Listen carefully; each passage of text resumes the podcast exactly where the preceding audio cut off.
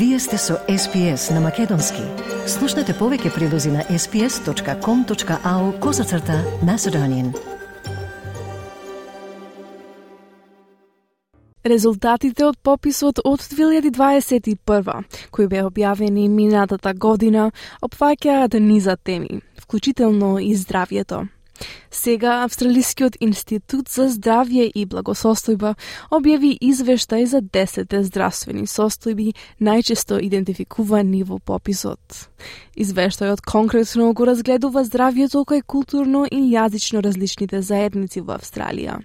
Бидејќи како што вели Клер Спарк од институтот не се знае доволно за оваа тема. There's limited data on the health outcomes for culturally linguistically diverse Australians often because um, population surveys aren't large enough. Claire Spark вели дека новиот извештај на институтот дава поцелосна слика на 10 хронични состојби. По земја на раѓање, време на престигнување во Австралија, јазикот што се користи дома и познавање на англискиот јазик. It sort of provides da- interactive data visualizations on, on the prevalence of 10 chronic conditions by um, country of birth, time since arrival, main language use at home, and English proficiency. Извештајот заклучи дека луѓето родени во Австралија и доселниците од други земји кои зборуваат англиски како и од Европа почесто страдаат од одредени хронични состојби, како што се артритис, астма, рак, велодробни заболувања и нарушување на менталното здравје. Клер Спарк вели дека некои заедници се повеќе склони кон одредени болести во споредба со други. Доселениците поредко страдаат од долгорочни здравствени состојби, а тоа е во согласност со така наречениот ефект на здрави доселеници, вели Клер Спарк. Но тоа не е така за сите мигранти. Таа вели дека, например, за васкуларни состојби, како што се диабетес и срцеви заболувања, луѓето родени во земји од региони како што се Полинезија, Јужна Азија и Блискиот Исток, имале повисока преваленца од популацијата родена во Австралија.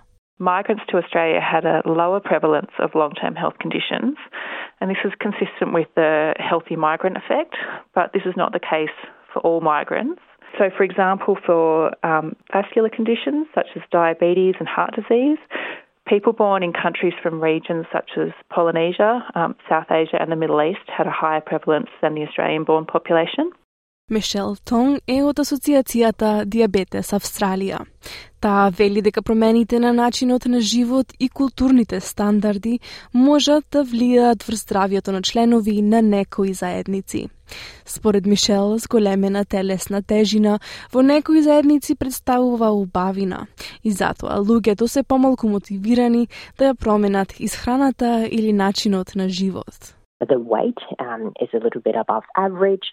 They might see that as um, something of um, a, a, wealth to them, something that is um, okay in their community. It means beauty. So it's something that it might not motivate them to kind of make the changes as well.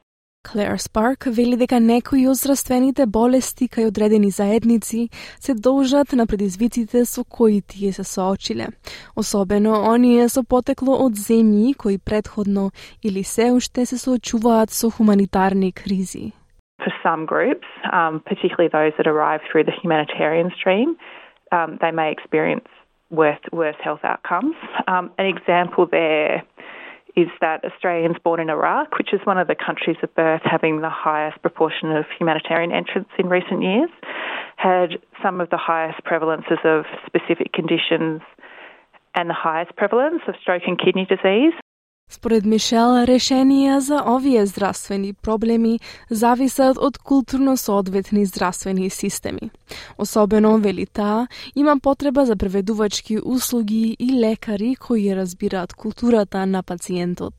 There are definitely, you know, interpreting services. Um, there are translated resources, um, and I guess um, in, language, you know, programs and, services, um, like we do at Diabetes Australia as well.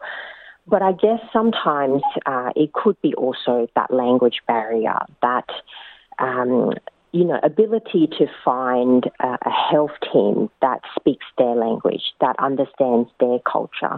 Институтот за здравје и благосостојба се надева дека извештајот и идни истражувања ќе им помогнат на креаторите на политики да дознаат каде да го насочат нивното финансирање.